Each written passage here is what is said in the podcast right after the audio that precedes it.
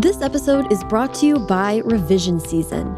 Revision Season is a seven week virtual masterclass in revising your novel, led by Elana K. Arnold, author of Printz Honor winner Damsel and National Book Award finalist What Girls Are Made Of, and more. Each week, Elana will send you a video lecture and transcript, followed by a series of assignments designed to help you put the week's lessons into practice. Writers can ask specific questions in a weekly live call, and revision season writers can connect in a private, moderated forum.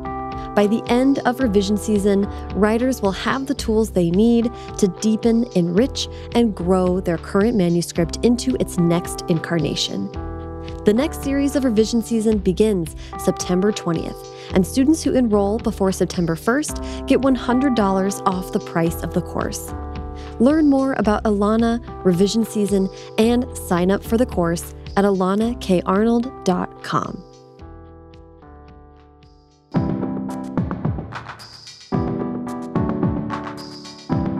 Welcome to First Draft with me, Sarah Enni. This week I'm talking to Kimberly Johnson, debut author of This Is My America, out today. I loved hearing Kim talk about her passion for working with young adults as a college administrator and mentor to Black student activists, and how that translated into writing for kids. And I loved what Kim had to say about writing racial justice into mystery and crime stories, and her tips for finding a routine as a working parent who just turned her writing hobby into a second career. Everything Kim and I talk about on today's show can be found in the show notes at firstdraftpod.com. First Draft participates in affiliate programs, specifically bookshop.org. So that means that if you go to the show notes um, or anywhere on the website and click a link to buy a book, it will help support the show and independent bookstores at no additional cost to you. If you'd like to donate to First Draft, either on a one-time or monthly basis, you can do that at paypal.me slash firstdraftpod. If you're an aspiring writer with questions about the business or a seasoned vet who still has questions about the business, you should definitely be listening to Track Changes. It's the podcast series that's been appearing in your first draft feed for the last few months. And the next episode is this Thursday. It's a bonus episode getting into inequality in publishing. What are the inflection points in the publishing process that have perpetuated inequality? How bad has it gotten, and what can we do about it? I've also created the Track Changes newsletter, where every Thursday I share more of the information that I gathered in researching for this project. It's all about giving people more context for this industry that they're a participant in um, and information so that they can more confidently move forward in a writing career. You can sign up for a 30-day free trial of the newsletter and learn more about both Track Changes projects at firstdraftpod.com slash trackchanges. Okay, now, please sit back, relax, and enjoy my conversation with Kimberly Johnson. So, hi, Kim. How are you today? Ah, I'm doing good. It's like launch is coming very, very soon. So, oh my gosh. Um, yeah, all the nerves and all the excitement, and yeah, feeling all those feelings. Well, I'm, we're uh, we're meeting over Zoom as well as for the podcast, and I can see you have your book over your shoulder, so you're already like ahead of the game. you got it down. um, I like to start my conversations with authors getting a little bit of background about you. So I go all the way back to where were you born and raised? Yeah, I actually was born in Lusaka, Zambia, which is in Africa. Um, my mom is African and my dad is American, and I really don't have any memories of it. Um, I moved to the US when I was five years old, and so I really only know America. Um, mm -hmm. So, yeah, that's where I was born. And so I was raised in Eugene, Oregon. Oh, okay. I was going to say where in America? Yeah, yeah. That's that's uh, that's amazing. And how was reading and writing a part of growing up for you? Uh, it was a big piece um, of my life. Not necessarily writing, but the reading part. Um, my mom was really adamant to get us in the library every single weekend. So, you know, me, I have two sisters. We would all just jump in the car and come back with loads and loads of books. And so um, I, I've always been an avid reader, a very, very fast reader. And often I like fast paced stories because because I can read them so quickly and I'm like so into it. Um, and then I never really felt like I was a writer.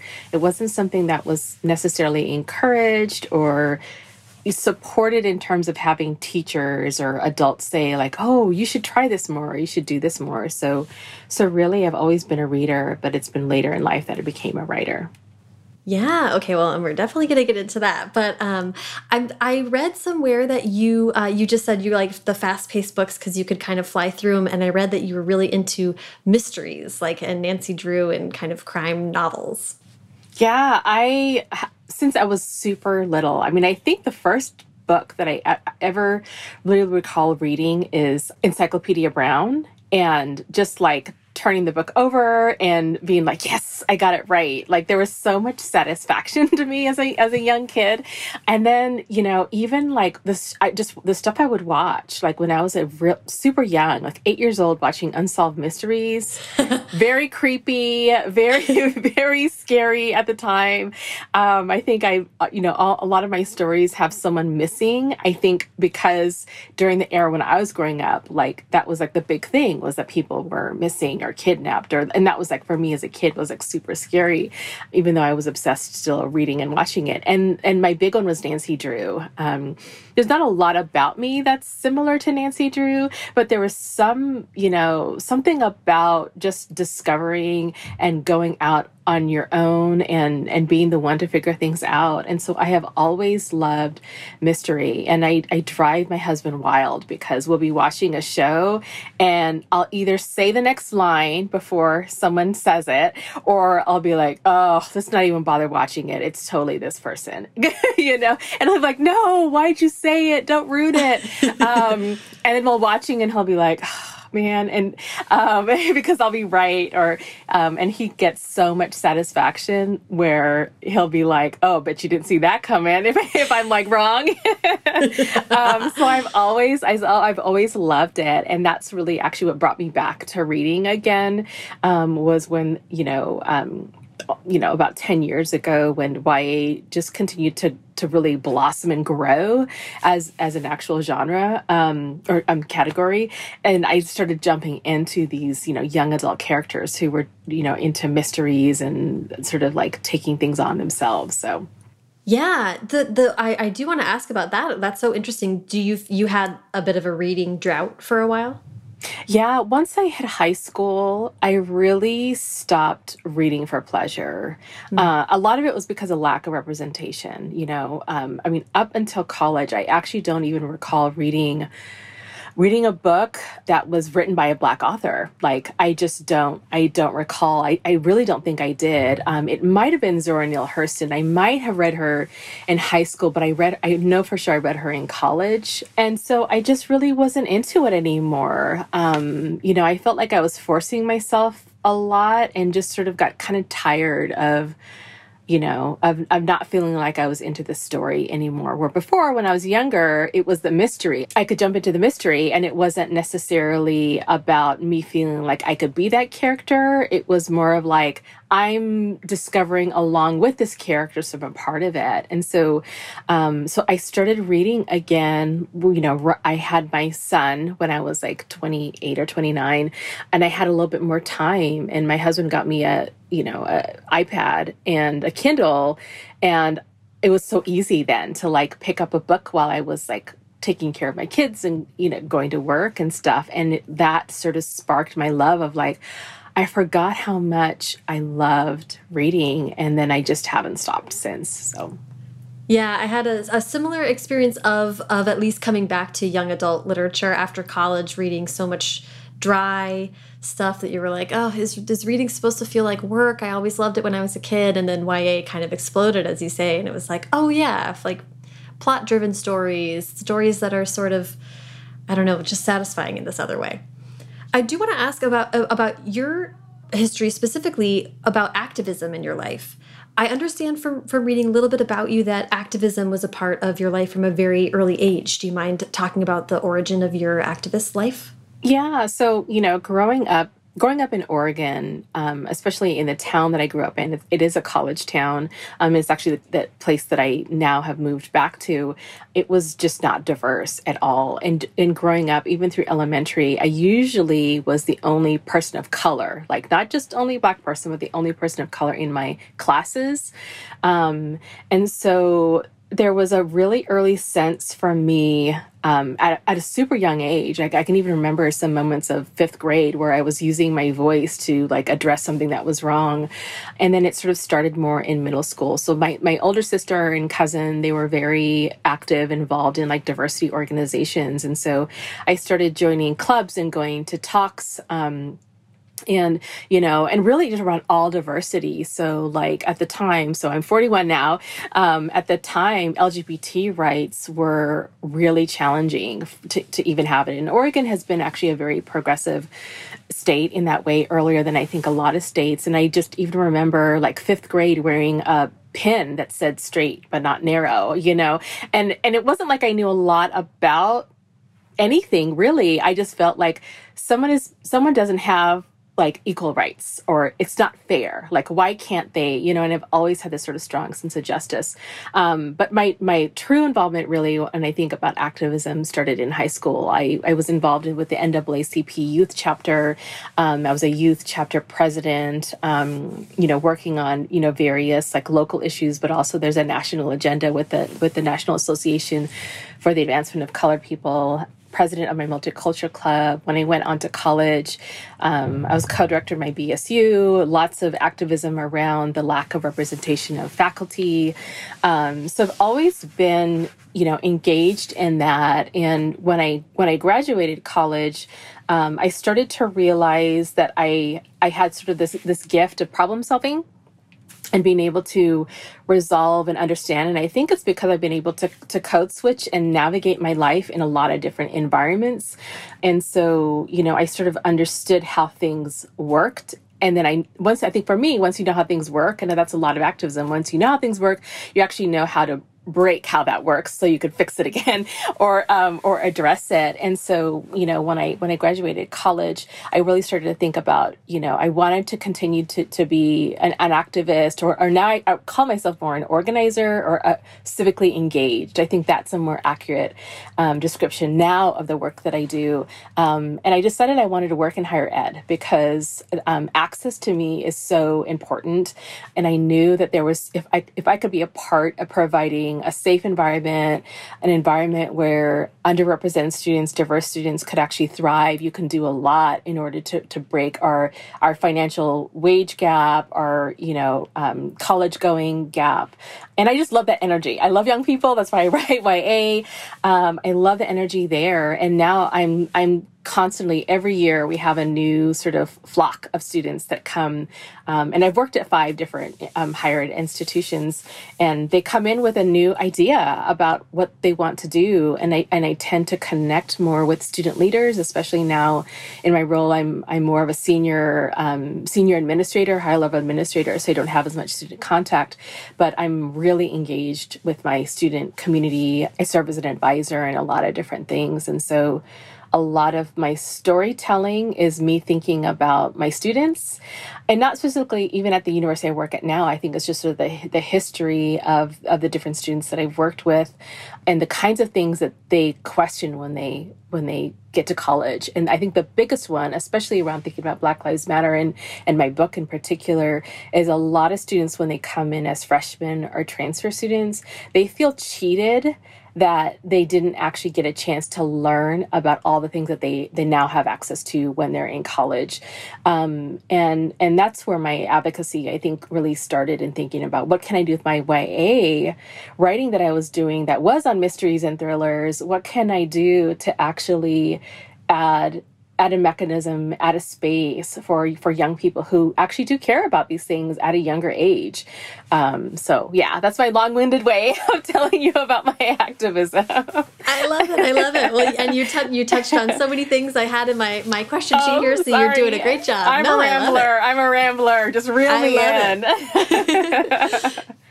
no, you're doing a great job. Um, I just have to to point out. I thought that was so interesting for you to to. Um, that way of framing activism as kind of problem solving or mystery solving that just kind of really stands out that you would kind of think it that way. Obviously that's been um, a passion for you forever is kind of looking at something and breaking it down into its parts and putting it back together.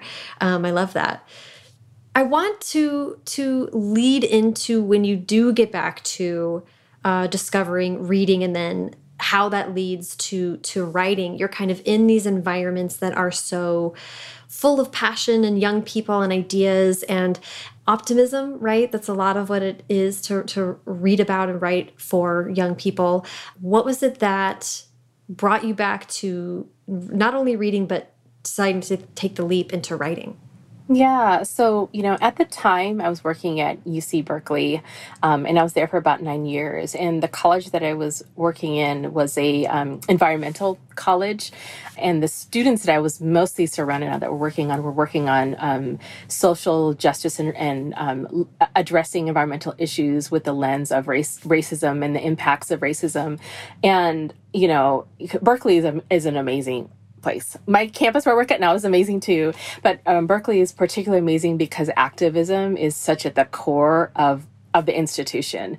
You see it with like staff and faculty, and I saw so much with students, and students come in with just so much hope and they come in with like they whatever their lived experiences whether it was incredibly challenging or and completely privileged they come in with a sense of something big that they want to do and then they work towards achieving it. And i started just continuing to just um, i was advising my students and we were talking about their goals and aspirations and they had there was so much ambition that was there. And it really just started to have me think about like i love my career i love what i'm doing but I always have felt like there's a larger platform. I'm supposed to be doing something else. Um, mm. And and I had a dream that was very vivid, and I do have very vivid dreams that I've never actually written down, and they're they're full fledged on stories that you know that are happening.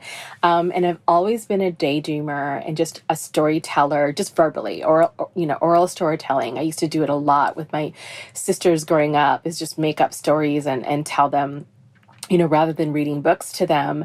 And then I just started I started writing on my iPad. So my it was like right when iPads came out, my husband got me one and I had just had a little baby uh, and I needed to get away. And um, and i you know i was like i'm going to go to the bookstore and i want to write. And my husband he's used to me like having these grand scheme ideas like oh, okay yeah whatever okay do your thing. Um, and i started writing and it was such an escape for me. It was so it was so fulfilling. And i think you know um, you know, when people talk to me about like self care and those other kinds of things, because I'm so involved and it's not just work and writing, I'm, I'm very involved in several different um, community organizations. And they're like, how do you care for yourself? I'm like, writing actually, even though it's stressful, it actually has so much care for me. Mm. Um, and then that's really how I started writing. I just, I was so into YA at the time. I was so inspired by my my students and their ambitions, um, and you know, and I just had this sort of sense of like I was reliving my my youth again by telling these stories that were like sort of like creating a spark inside, you know, like a, just a lively new spark that I think a lot of young people have that sometimes as you get older gets beaten down, beaten down and, and, and, you know, doesn't believe in, in, you know, possibilities. You're just thinking about bills and responsibilities. um, and, and writing, that's, that's really what got me writing. And then I, it was a mess. My first manuscript was a total mess. Uh, I had an editor look at it and, and realize like, I don't even know what I'm doing here. Um, and, but I learned. I'm a learner. I'm always constantly learning. Um, you know, I'm always trying to improve. And so for me, it actually was just like a new challenge for me. So teaching myself like how to how to write, how to take criticism, you know, how to slow down. Um, because I think for a writer to be so detail oriented, and I'm a very big picture person. I don't like I don't get bogged down in details. I'm not going to be someone who catches errors or you know my i'm just moving so fast mm-hmm. um and in some ways writing really taught me how to slow down in a lot mm-hmm. of pieces um of my of my life not just writing but just like the way I process things and, and do things is like that there is value in, you know, slowing down. So, yeah. That's so interesting. I really love that. It, it definitely will force you to do that. you you ask that some point. Once you get copy edited, you're like, oh my gosh, uh, what are sentences? Um, I'm so intrigued that you started by writing a, a, dream. I also have really vivid dreams, and and my you know many years ago, my first um, attempt at a book. I won't even call it a flop book, even though I got to the end. But it was uh, propelled by that. So I, I think that's so interesting when. Um, that your obviously your imagination was kind of raring to go. What were the first? I, I think if I read correctly that this is uh, this is my America is your 3rd mm -hmm. book. So what were those? What were the other uh, projects like, and how long were you taking to kind of get through them? And and were you always thinking about publication as the ultimate goal? Yeah, so I started writing, I think it was like the end of 2011, beginning of 2012. And it took me a little over a year to write my rough, messy draft. And and that book I think was was just my testing ground book. Um, mm -hmm. It was mm-hmm. based in the town that I'm from. It had a you know a girl who was kidnapped, which is very you know from my from my youth when I was obsessed with unsolved mysteries.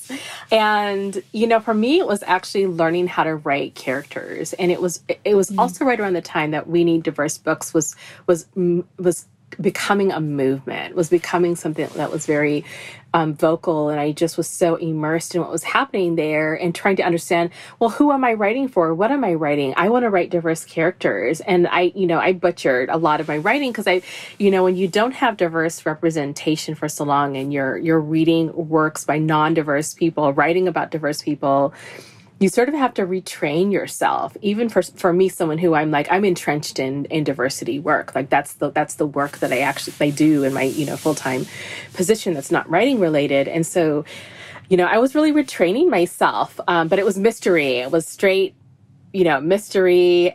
Um, it it had because i had a completely diverse cast you know, there were components of addressing microaggression and ad addressing racism that occurred with the main character, but that was definitely sort of more of the like the, the lived experience of people rather than maybe looking at systemic issues like my mm. like my third book.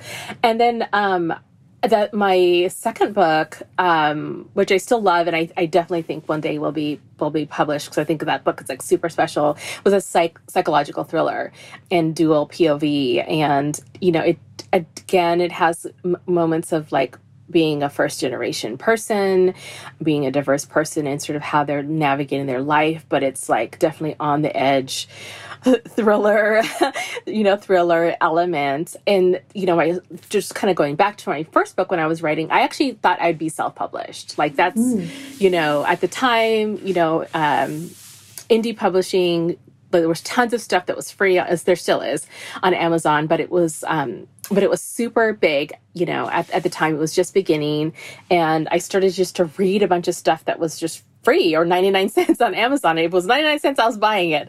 Um, and I thought that that was like the kind of the route I wanted to go to. And then I went to a conference, a, like a local conference, and I was really inspired. There was agents there and editors and and I started learning like, oh, maybe I can query an agent. And then I did pitches there. And then as I started writing and I improved with my writing, and this kind of took like two to three years to really work on that first manuscript, I realized that I I wanted to try to be traditionally published and and I stopped querying my first book because it wasn't getting much attention. I queried like 150 people, like it, you know, anyone and everyone. and then finally, when I figured out how to write, I'd already ran out of people to query. so, um, so then I started writing my second book, and my second book I flew through. It was much easier to write because I'd learned so many fundamentals.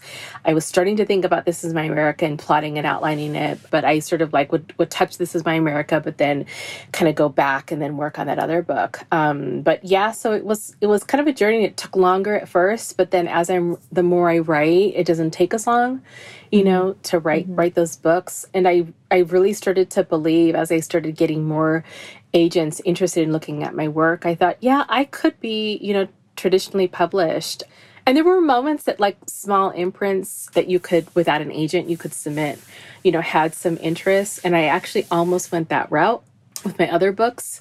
And I, am glad I waited because I needed to learn more. And I think for me, when I started really getting into This Is My America, I knew that it was the book that I, that I, it was like, it fit everything it fit everything of who I am. You know, it mm. fit my my love of activism, my love of looking at current issues, my love of YA, my love of a teen girl solving and and helping and doing all these amazing things. And and I felt I, I was glad that I I actually didn't pursue further because I think I finally found my voice and it was mm. ready. And and so yeah. Yeah, well, I want to ask, uh, um, I'll ask a little bit more about the traditional publishing experience, but I appreciate you speaking to that because that is, um, I don't know a ton about indie publishing, and I, you know, it's always interesting to hear people when they're um, deciding which which way to go on that. So it's, I'm glad that you, I'm glad, obviously, I'm glad that you decided to go this route that, uh, led to this book coming out in this way, um, which is great. Well, I read that that with This Is America, you kind of led us up to um, coming up with that idea and pursuing that project, I read that you felt like there was a spirit who moved you to write this story, that this story felt like kind of a, a lightning bolt story. Do you mind kind of telling us the, the genesis of, of the plot?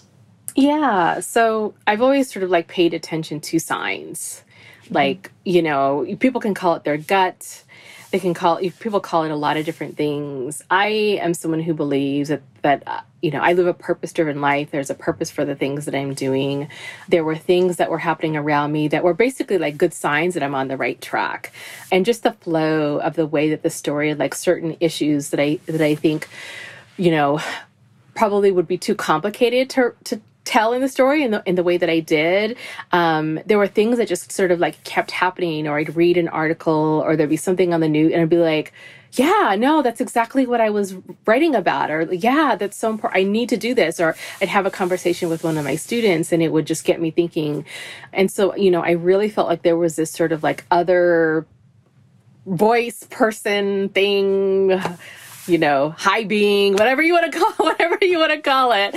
Um, that was really moving me along. And and and you know i think it's one of those woo woo th- woo woo things um, that people don't you know some people don't you know don't believe in it. And i and i spoke to my agent actually about my like my woo woo beliefs. Like even at the point when we were ready to we were going to go on another round of revisions and i was like telling her a little bit about my woo woo ness mm-hmm. that i'm like no i actually think right now like we don't need to go another revision i feel like we need to close this out and and do this and it actually was like there's so many different signs that were happening mm. um that to me in our in our current environment that was like like like this is so important. Like we really need to get this out. Um i feel like my time it's my time. And i you know was telling my agent that and she really respected that you know? Mm. and you know a month later we went on submission. And so um so that's sort of like what was sort of drawing me. And i think for me that like actual inspiration was because i'm i'm very aware of just you know systemic issues that have impacted you know black people in our country since its beginning. And i've always just felt like as a as my background having been someone who studied ethnic studies and diversity and history that it's something that always is is like sort of a surprise to a lot of people not all people obviously but to a lot of people to not really connect the thread. And to me i think it's the educator in me is that when i started writing this is my america i wanted to connect the systemic thread I wanted to sort of break down that easy response that I was sort of starting to see in media, especially around talking about police brutality, was that the conversation for those that didn't believe in police brutality would always shift to this like, well, look at Chicago you know, mm. look at crime in Chicago. Don't you care about what's happening? You know, black on black crime. Um, and to me, it was just such a, a big space of ignorance of, of where the, the issue came from. And I wanted to address it from a systemic way and to be able to, to tell a story with a cycle. And so that really was what inspired me. Um, you know, to sort of broaden out, out the topic and, and have these sort of like two intersecting stories between a father and a son sort of going through this cycle because it's so systemic it's so present in our in our society it's it's the story of america really um you know, the, the negative story of America. Um, and so that's really what sort of was, was pulling me. So. Yeah, uh, and before we get into more specific questions about the uh, the book itself, do you mind pitching "This Is My America" for us? Yeah, so um, working on my pitch, you know, I'll get it bid eventually someday. But basically, this is My America. So it's a young adult story about a um, Tracy Beaumont, who's a 17 year old girl who has been writing letters to Innocence X to help free her wrongfully incarcerated father. And in his last year of him being um, in his his death sentence, uh, her brother actually was accused um, or suspected of killing a white girl in their town. Um, and he runs and he flees. And so, you know, it's a, basically a journey about her trying to help her father and free her brother from being a suspect um, in that story. And it's it's a raw, gripping story, but it's also a hopeful story. So I think that that's just really important to to share. It's one where there's, you know, a young girl is at the helm of figuring things out. Um, so. Yeah, and, uh, thank you for. I, th I, think you did a great job. So you've I think you got it. You got it down pretty well. Um, I I love you know everything that you're telling me about loving mystery stories and thriller, psychological thriller stories, um, because this is my America is about uh, systemic injustice, but it is also Tracy problem solving, and it's it's sort of uh, you know Nancy Drew shades shades of Nancy Drew in a way. Um, and and you know it just struck me with you explaining your motivations for writing this story that it's so important to have a story like this where it is a young black woman you know it's giving readers the chance to say well what would it be like to be a nancy drew who is dealing with systemic racism what if you could not um, work within the system in the way that we're used to seeing portrayed in tv and movies and in books that have been featured in crime drama for you know since the beginning of time. Um, is that how you were thinking about it or how do you think about your work in the context of these of the larger genre of crime and mystery yeah i mean that's definitely that's definitely how how i see my work i wanted to be nancy drew i wanted to be veronica mars like mm -hmm. when mm-hmm. i you know when i'm into those i really just felt like that was something that i wanted to be represented in and it's just isn't it really isn't present and definitely not really NYA. And I won't say complete, you know, completely not, but uh, you know, I think at the the kind of storytelling that that I want to be able to do is sort of where I see myself. And you know, for me as as someone who works with so many young people, you know, envisioning your possibilities without their actual having that true representation there, it becomes really hard to do. And, you know, when I was younger, I actually really wanted to be an FBI investigator or a lawyer growing up. Like those were the, the two sort of like things. Um, a psychological profiler to be exact because i was into some weird stuff um, as a kid. I was very curious. I, I could have broken down the profile of a serial killer. Um, and you know and so for me like i just felt like i'm sort of reliving that that life that i didn't get to, to live. Um, mm -hmm. and because i just love i love crime story and you know, I think people approach the criminal sort of not thinking about the issues with the criminal justice system, but the concept of criminal justice in America or resolving crime.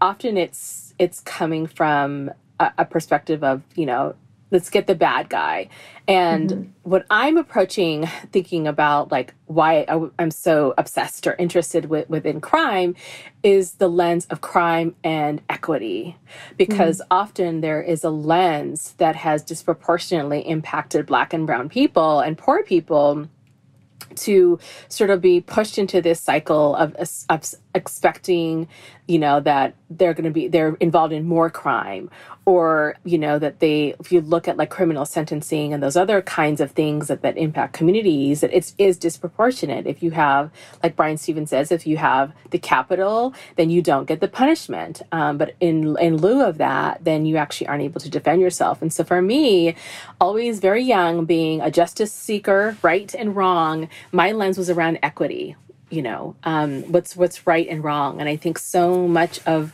of the thought about criminal justice has not included um, equity um, has not included that it's that it has taken away the civil rights of people and how it's sort of been justified in terms of when you look at if you look at police brutality as a very specific example, um, when we see footage or when we hear about scenarios that have impacted, um, you know, black men and women and um, black trans people, is like you looking at the, their background. Like well they've been stopped before. Or you know it's easy to consider that maybe that they were scared of them. Or you know even even thinking of like very young boys, very young boys, black boys, were looking at police reports where it says something like, I was scared for my life.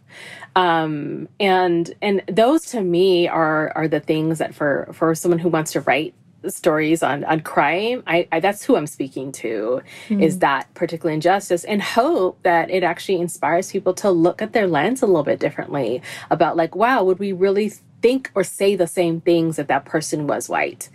You know, um, who do we actually mm-hmm. care about based on the color of their of their skin. Do we have a different sort of perspective? And i think that to me is sort of like my long-winded way of saying how um you know how i look how look at my stories is that how can i balance all of my interest in creating something newer newish more of i don't know if it's that you know more mm-hmm. of this kind of storytelling and um and hopefully inspiring young people to think about how they might want to engage in the world when they when they get older. So yeah, yeah, I love that, and I think it's it's an important. You know, I think oh, there.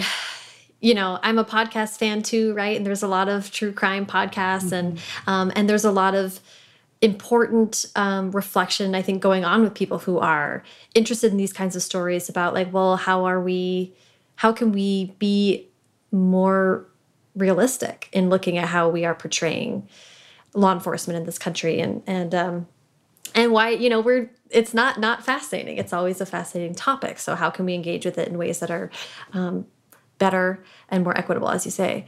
The, what really stood out to me in this is my america is tracy's story is you know there's so much empowerment with a young woman deciding to find out for herself and to and and you know picking up her own her own mantle and being self-directed.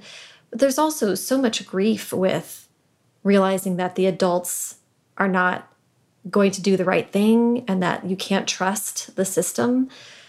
How did you think about portraying that or how how did you, you know, there's it's a it's a, a very emotional story as well.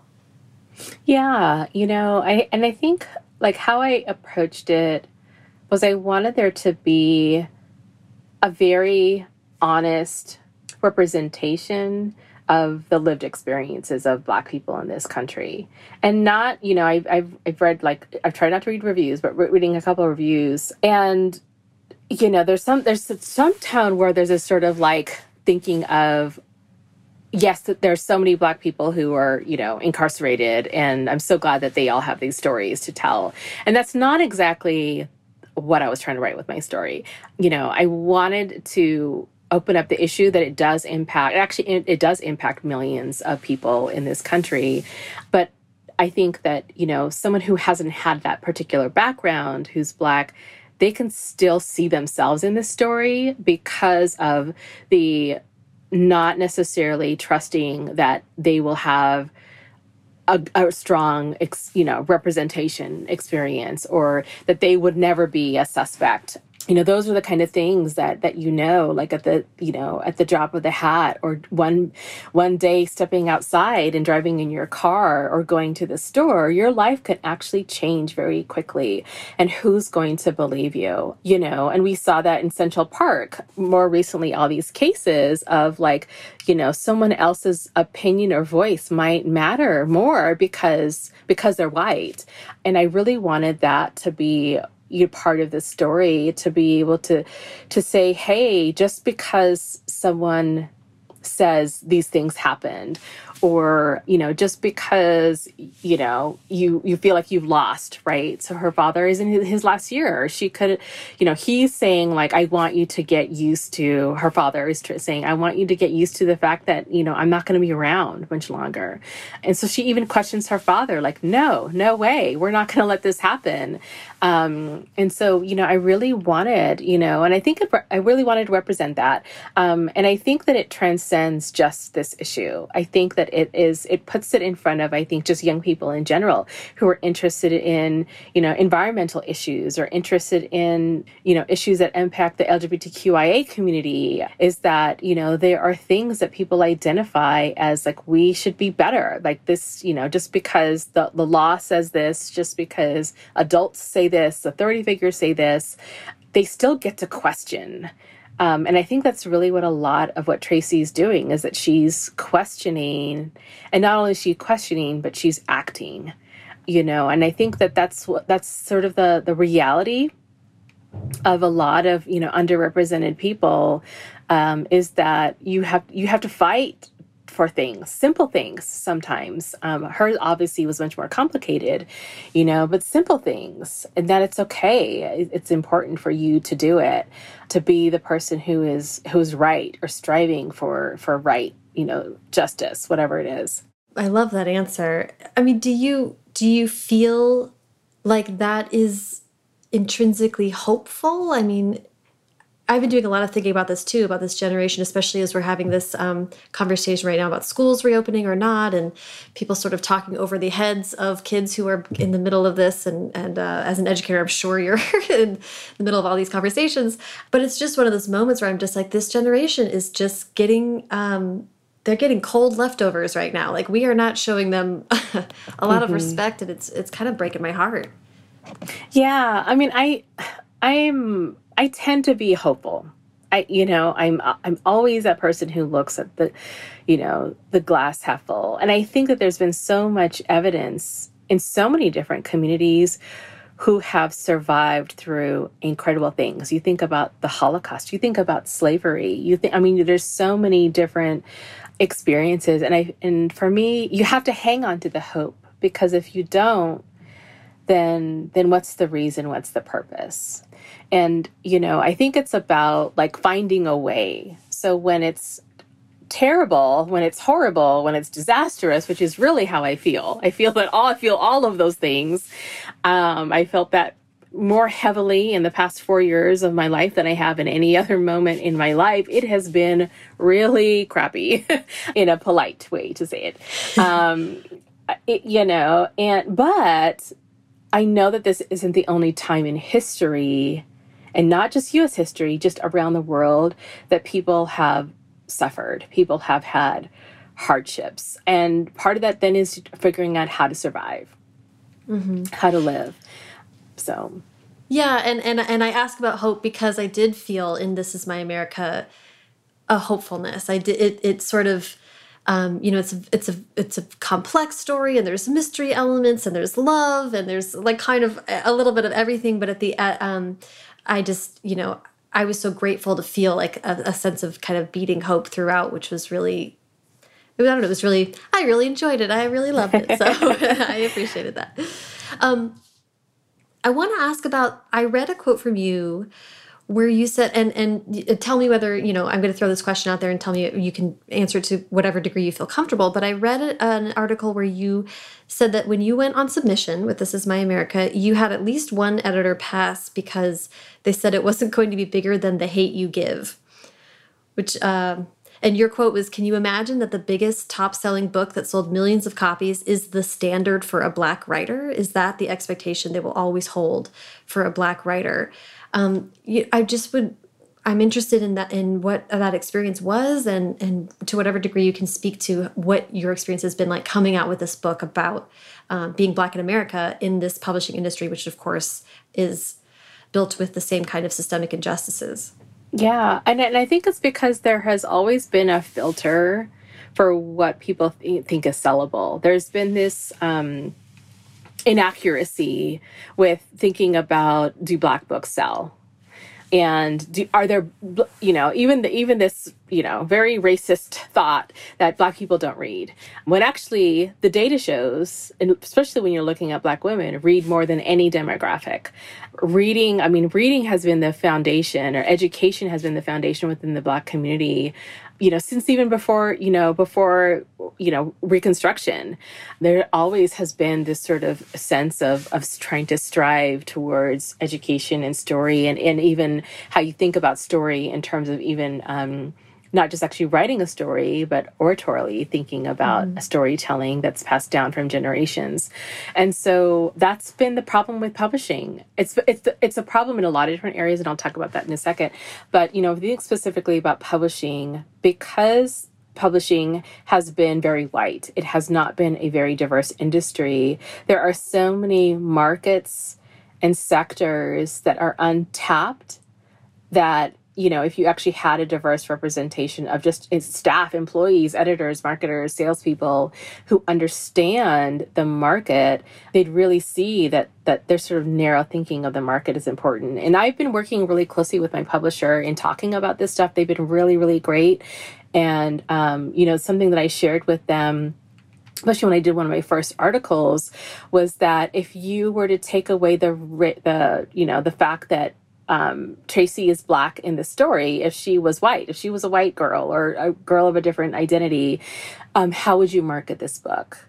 And so if race wasn't a factor, it would be in a totally different section, right? It wouldn't just be in the social justice, Black Lives Matter, you know, table section and during Black History Month. Um, that wouldn't be just where it's at. It would be in the YA section in the front. It would be, you know, with all the other, you know, YA mystery authors. And that has been the issue with so many Black books by Black authors about creating a market you know i think even just a few years ago uh, the, the thought of having a black girl on the front of a cover would be like they can't do it. We can't do it because it won't sell because you know other people who are not black aren't going to want to pick up that story. And we're seeing that change. Like this is the this 2020 is the year i think of like the black girl cover cover year. There's so many i have so many. Um and they're so beautiful and amazing. And I think it's about breaking down the paradigm, you know, working to be anti racist, to teach anti racist thoughts, not only within publishing about what they think about what storytelling can be, um, but with you know librarians with booksellers with educators who should be able to ha- if i in my entire schooling was never given a book about a black girl a black person and the cover other than some antiquated classic that has racist elements in it, not written by anyone black, if all the books that I've received could be people who are not like me, it's just insane to me that people still to this day think that if you hand a book that has a girl on the cover, a boy is not going to like it, or someone of a different race is not is not going to like it. And I think that's what's lacking in terms of empathy um, in our society. So much of, of a wide variety of underrepresented people is because of that. Is because of our lack of thinking that they're actually human, and it's it's a challenge within publishing. And I think so many of my fellow Black writers who write love stories and and write fantasy, they have felt such a huge loss because of their lack of representation because you know the the the window is so small with with the peephole. It's almost like a peephole to get for black writers to like, we're trying to get into the house, but we can only get into the peephole. It's been, you know, often it's this sort of sense about what black books are about. You know, it's about sadness or bad things happening or slavery and there's so much more and you know for me i do like to talk about that piece of that representation because because i am someone who writes about racism i, I do i lean heavily into that um, not because i feel like i have to which i think is some some thoughts that some some writers share is like they feel like they won't ever get published unless they write about this kind of stuff. Um, for me, that's not my sense. This is, I have a social justice core in my body, in my being that's what I want to write about. That's what I want to, do. But I also should be able to write about whatever I want to write about. And there should be a space for me. And, you know, I think not just in publishing, but in a lot of markets, a lot of sectors, there's a sense that we have to be perfect. Barack Obama had to be, you know, as president of the United States, he had to be, you know, nothing could be wrong with him, you know, like he just had to live his life perfectly. His kids had to, his his wife had to. And I think that that that transcends in so many areas and black writers feel like we can't fail. We can't have a book that doesn't sell because if our book doesn't sell, then that doesn't only impact us as an individual, but it impacts anyone else who wants to try that book. Um, and that's not the story, though, for other writers. And so for me, you know, when I was writing This Is My America, the, the first sort of iterations of my writing, I stopped even thinking about writing it when Jason Reynolds' All American Boys was announced and Angie Thomas's The Hate You Give. And mainly because it was like, okay, they did it, they got it, you know they're going to tell that story and that's it's going to be amazing and that's the one story i get and i and it i wasn't even in a place to sort of unpack why that would be unfair to even like think that but for me it sort of was like accepting the reality of just how it mm-hmm. and i was just going to go and write my other you know stories that i was thinking about. And it wasn't until just that the door kept being knocked on with people to say like no we got to write more stories. And for me it was like no, there's like there needs to be more. There's it's you know you just can't have a few books that are actually going to tackle this issue. There has to be more, and you know there could have been more to the editor's thoughts, whether like well, maybe my writing wasn't strong enough, or you know blah blah blah whatever. But I think like anytime you compare it to it won't. I mean really like it's not going to be bigger than the hate you give.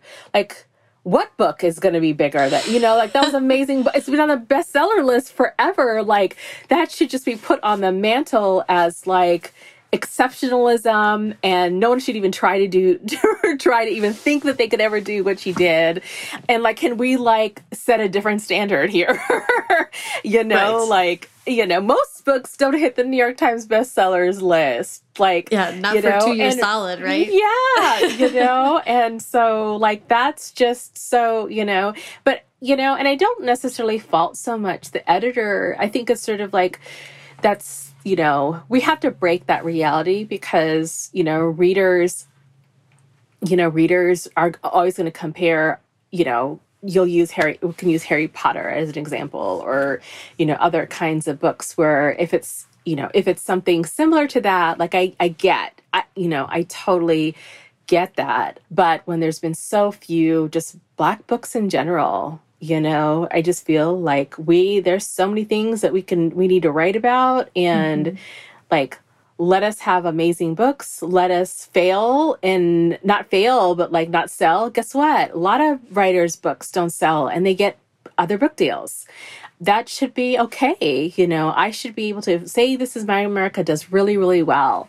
My next book like if it doesn't do well, my career shouldn't end, right? right? Like I should have a chance to be as a writer experiment. We're creators, you know, we're mm-hmm. you know, we're we're testing testing boundaries, testing new things. And sometimes a book you, that you write might not be that, you know, the hit at that time, but then something in the world happens and then people want to read that book. And I think Jewell Parker Rhodes is a, a really great example. I was talking to her on the phone because she's amazing. She's awesome. She's just such a wonderful woman. And her daughter is just as wonderful. Kelly McWilliams is the author of Agnes at the End of the World. And I was talking to her on the phone and we're talking about her book Tulsa that she wrote 20 years ago. And they're republishing it now because we're at the 100 year anniversary of Tulsa. And you know, it was something that didn't sell at the time. And now people care about Tulsa. And she wrote this beautiful book that, you know, fortunately has a chance. And I think that there just needs to be more space, especially if you want to talk about diverse representation. Like, does it have to fit your idea of of of what you know you think is the perfect story to hit the market, or can you just love a book and mm-hmm. and, and, and you know invest in it and make it special? You know, mm-hmm. so Right, and nurture an author's career and give them, yeah. you know, we talk a lot about the, I think so, an example someone gave me recently was that Jodi Picoult, you know, the, the, the, you know, huge big deal, Jodi Picoult we really only hit big at book seven. And, you know, her publisher just gave her the opportunity to grow and become a better writer. And then now the backlist is, you know what I mean? Like, yeah. so it's just, it's just having a long view of like, do you believe in an author as an artist or not? And that's, an important thing to be able to fight yeah. for. You know? And Jodi's such a perfect example because she's always trying something new. You can't actually, I mean, you can say ethical dilemmas are sort of like her brand, but she's always testing something new. Mm-hmm. And and I think like that would be awesome to be able to do. So right, right. Um, well, you you brought up the next book, so I do want to ask about. Um, I want to ask about what you're doing next, and then I want to ask about about writing as self care and how that how that is or isn't changing now that you've professionalized your one time hobby. so um, yeah, so right now I'm working on a historical fiction that will have mystery elements because I love those. I think all my books will always have that. Um, and I can't say too much, but it is it it'll continue to look at issues of generational impact of racism. And it'll address the topic of the great migration redlining in communities and really sort of like the you know how the great american suburban dream was created and how it's sort of you know the racial elements that the undertones of that. So it's a story about that. And i wasn't sure before like oh are people going to be like, oh, we went from contemporary, we want the next thing? Like, you're going historical, but now under COVID, I'm like, that was brilliant. I'm so glad that that's where we were going before COVID because, like, I'm not ready to write a contemporary set in COVID time. For real, yeah. So, so, I'm, interesting... I'm really actually glad. I'm like, oh, yay, mm-hmm. I'm so glad I'm already working on a historical was it um I, I actually am not sure about this. Was your was the deal for this is my america a two book deal or is or are you writing under contract or as yeah, an option? Yeah, so it was a it was a two book standalone deal. Um okay. and i had pitched this second book. It actually wasn't historical. It was sort of like a longer thing that i was like trying to think about doing that had elements of of looking into the past and that kind of thing. And so um so then you know when we went through the process we um we settled on on this book. So all right. Yeah. Um, yeah. What is it like to be writing under deadline, and and and that self care question? You know, it's it's such a precious thing when you find writing as a way of release or catharsis. I, I wonder if you've been able to to maintain that or hold on to that. Yeah, it's really hard now to, to, to write uh, because my routine is totally different um, mm. you know with with what i'm you know doing and stuff and so you know in you know in terms of like trying to do it now it's it's been hard. I've been fortunate that pre-covid you know i'd gotten my rough draft to, together. And so mm-hmm. now i'm just sort of going through which it's a little bit easier but it's still hard.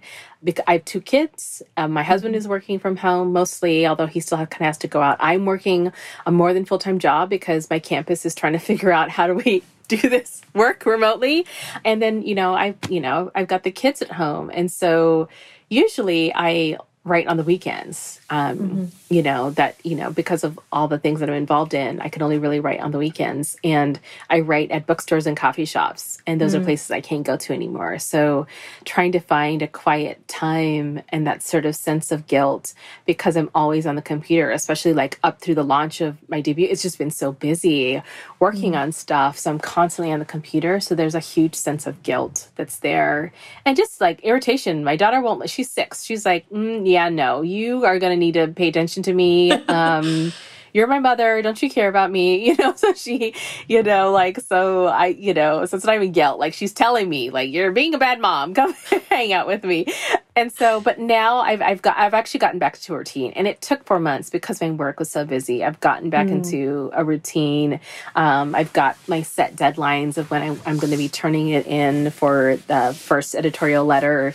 And that, and that feels really good because it's sort of, it's, it's just feels super good. Um, yeah, not having a routine, especially if that's something you've been able to find and and and for especially working parents at home, I know this has been like just a real time. So, I'm glad to hear that you've been able to to find a new balance.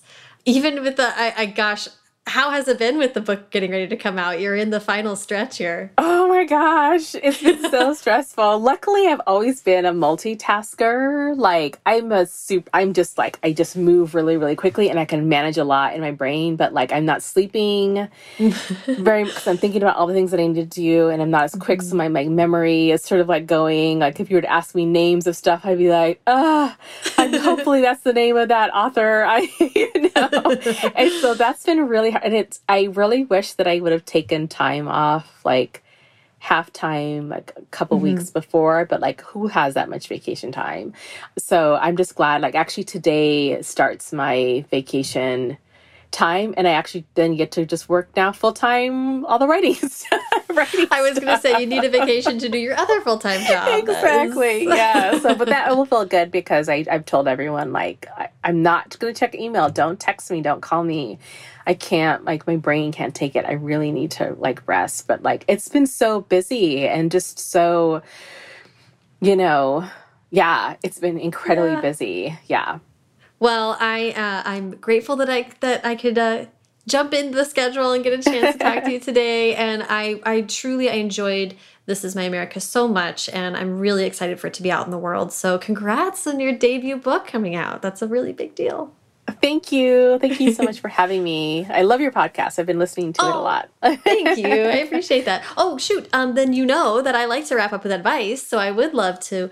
I mean, gosh, I guess uh, you know, what do, well, I mean, I have, there's so many things you could give advice on, especially the structure of mystery. But, um, but you know, we're wrapping up by talking about finding time as a parent to, to write and get into it. Do you have any tips for people who are trying to get routines back up?